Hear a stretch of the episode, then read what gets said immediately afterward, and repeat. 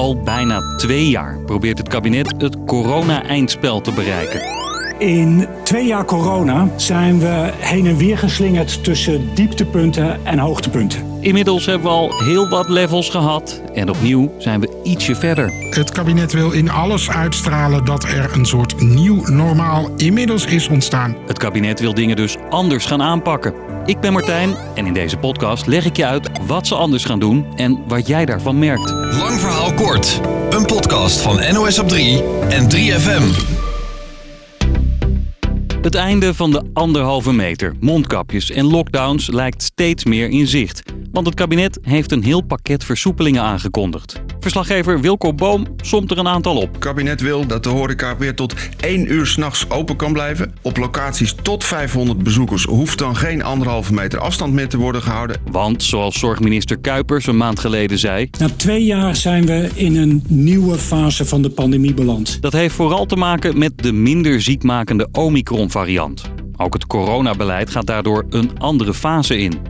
Je hoort mijn collega in Den Haag, Lars Geerts. Tot nu toe had het kabinet vier doelen. Dat waren de acceptabele belasting van de zorg, het beschermen van de kwetsbaren, het zicht houden op het virus en de economische en maatschappelijke schade beperken. Oftewel, het kabinet keek voor de maatregelen en de corona-aanpak lange tijd vooral naar de besmettingscijfers en de ziekenhuisopnames. Maar nu gaat het kabinet een stap verder, vertelt Lars. De bedoeling is dat de samenleving in eerste instantie altijd open blijft en dat pas daarna wordt gekeken wat je precies kunt doen om de uh, zorg te ontlasten. Dat is dus een omkering van hoe het tot nu toe ging.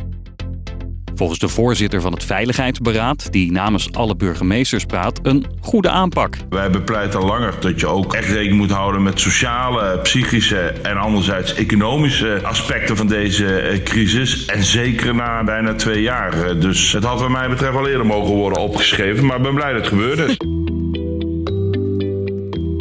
Dat het coronabeleid verandert is al meteen te merken. Waar we maanden geleden vooral Jaap van Dissel hoorden. Het OMT acht de huidige situatie zorgelijk. Of andere leden van het Outbreak Management Team die het kabinet adviseren over welke versoepelingen er eventueel mogelijk zijn. We hebben natuurlijk afgelopen week al wel aangegeven dat we ons ernstig zorgen maken. Gebeurt dat nu andersom? Het kabinet bedenkt nu voor het eerst zelf nieuwe maatregelen of versoepelingen en vraagt daarna het OMT of dit verstandig is. Als het OMT zegt dat dit buitengewoon onverstandig is en daar alle argumenten voor geeft die eh, zo stikhoudend zijn dat we zeggen we moeten dat toch nog bijstellen. Maar wij denken dat dit mogelijk is. En er verandert meer, bijvoorbeeld tijdens de persconferenties. Deze man Goedenavond. gaan we steeds minder zien. In plaats daarvan staat dinsdagavond zorgminister Kuipers alleen voor de camera. Premier Rutte legt uit waarom. Dat ik eigenlijk al langer vind dat iedere twee weken zo'n persconferentie met z'n tweeën wat zwaar aangezet is. En ik al wat langer zoek naar hoe zou je daar wat meer normalisatie kunnen. Dat de minister van VWS dat doet.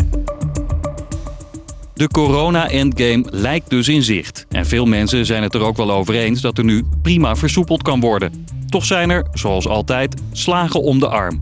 Want in de zorg, daar hebben ze volgens deze medisch specialist nog altijd de handen vol. Driekwart van de ziekenhuizen kunnen niet alle planbare zorg leveren. Dus hoe meer besmettingen, hoe meer ziekenhuisopnames en hoe meer patiënten er dupe van worden. Ontzettend fijn dat we kunnen gaan versoepelen, maar laten we dat nou wel nog steeds stap voor stap doen. Ook OMT-lid Andreas Vos denkt dat we prima kunnen versoepelen. Zei hij aan tafel bij het programma Op 1. Ik denk dat er voldoende reden is om optimistisch te zijn. Maar ook hij heeft een kleine kanttekening. Nieuwe varianten kunnen in de toekomst de boel nog verpesten. Je moet je nu eigenlijk voorbereiden op hoe ga je in het normale leven nog retour, op welke manier. En gelijktijdig, in mijn ogen, moet je ook voorbereiden wat doen we als er een nieuwe variant zou komen, om niet weer in dezelfde chaos te komen. Welke plannen het kabinet daarvoor heeft, is nog niet duidelijk.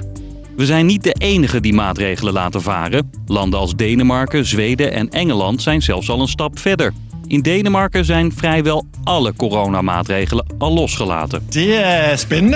Uh, men det er også skønt. Uh, Deze Deense barman is blij dat alles weer is zoals vroeger.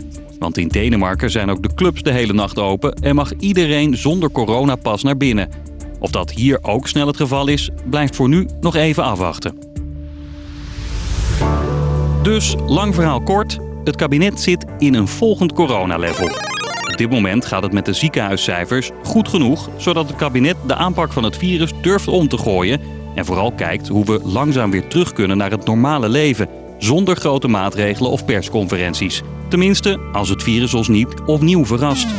Dat was hem weer. Voor nu sluiten we de game even af. Maandag rond 5 uur staat er een nieuwe lang verhaal kort in je app. 3FM Podcast. Drie mannen met zwarte pak legden hem op de grond neer. En ik hoorde, hij is het niet, hij is het niet. Ik is gelijk, jij bent een shark. Sorry voor mijn broertje. Twee levensverhalen over broederschap en de consequenties van de keuzes die je maakt. Mijn zus, ik hoorde haar nog roepen van, uh, wat, heb je gedaan?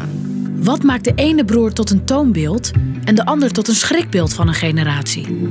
In de podcast Sorry voor mijn broertje zoeken we antwoord op die vraag aan de hand van de levensverhalen van Nebil en Naïb. De podcast Sorry voor mijn broertje. Check je via de 3FM app of jouw favoriete podcastplatform.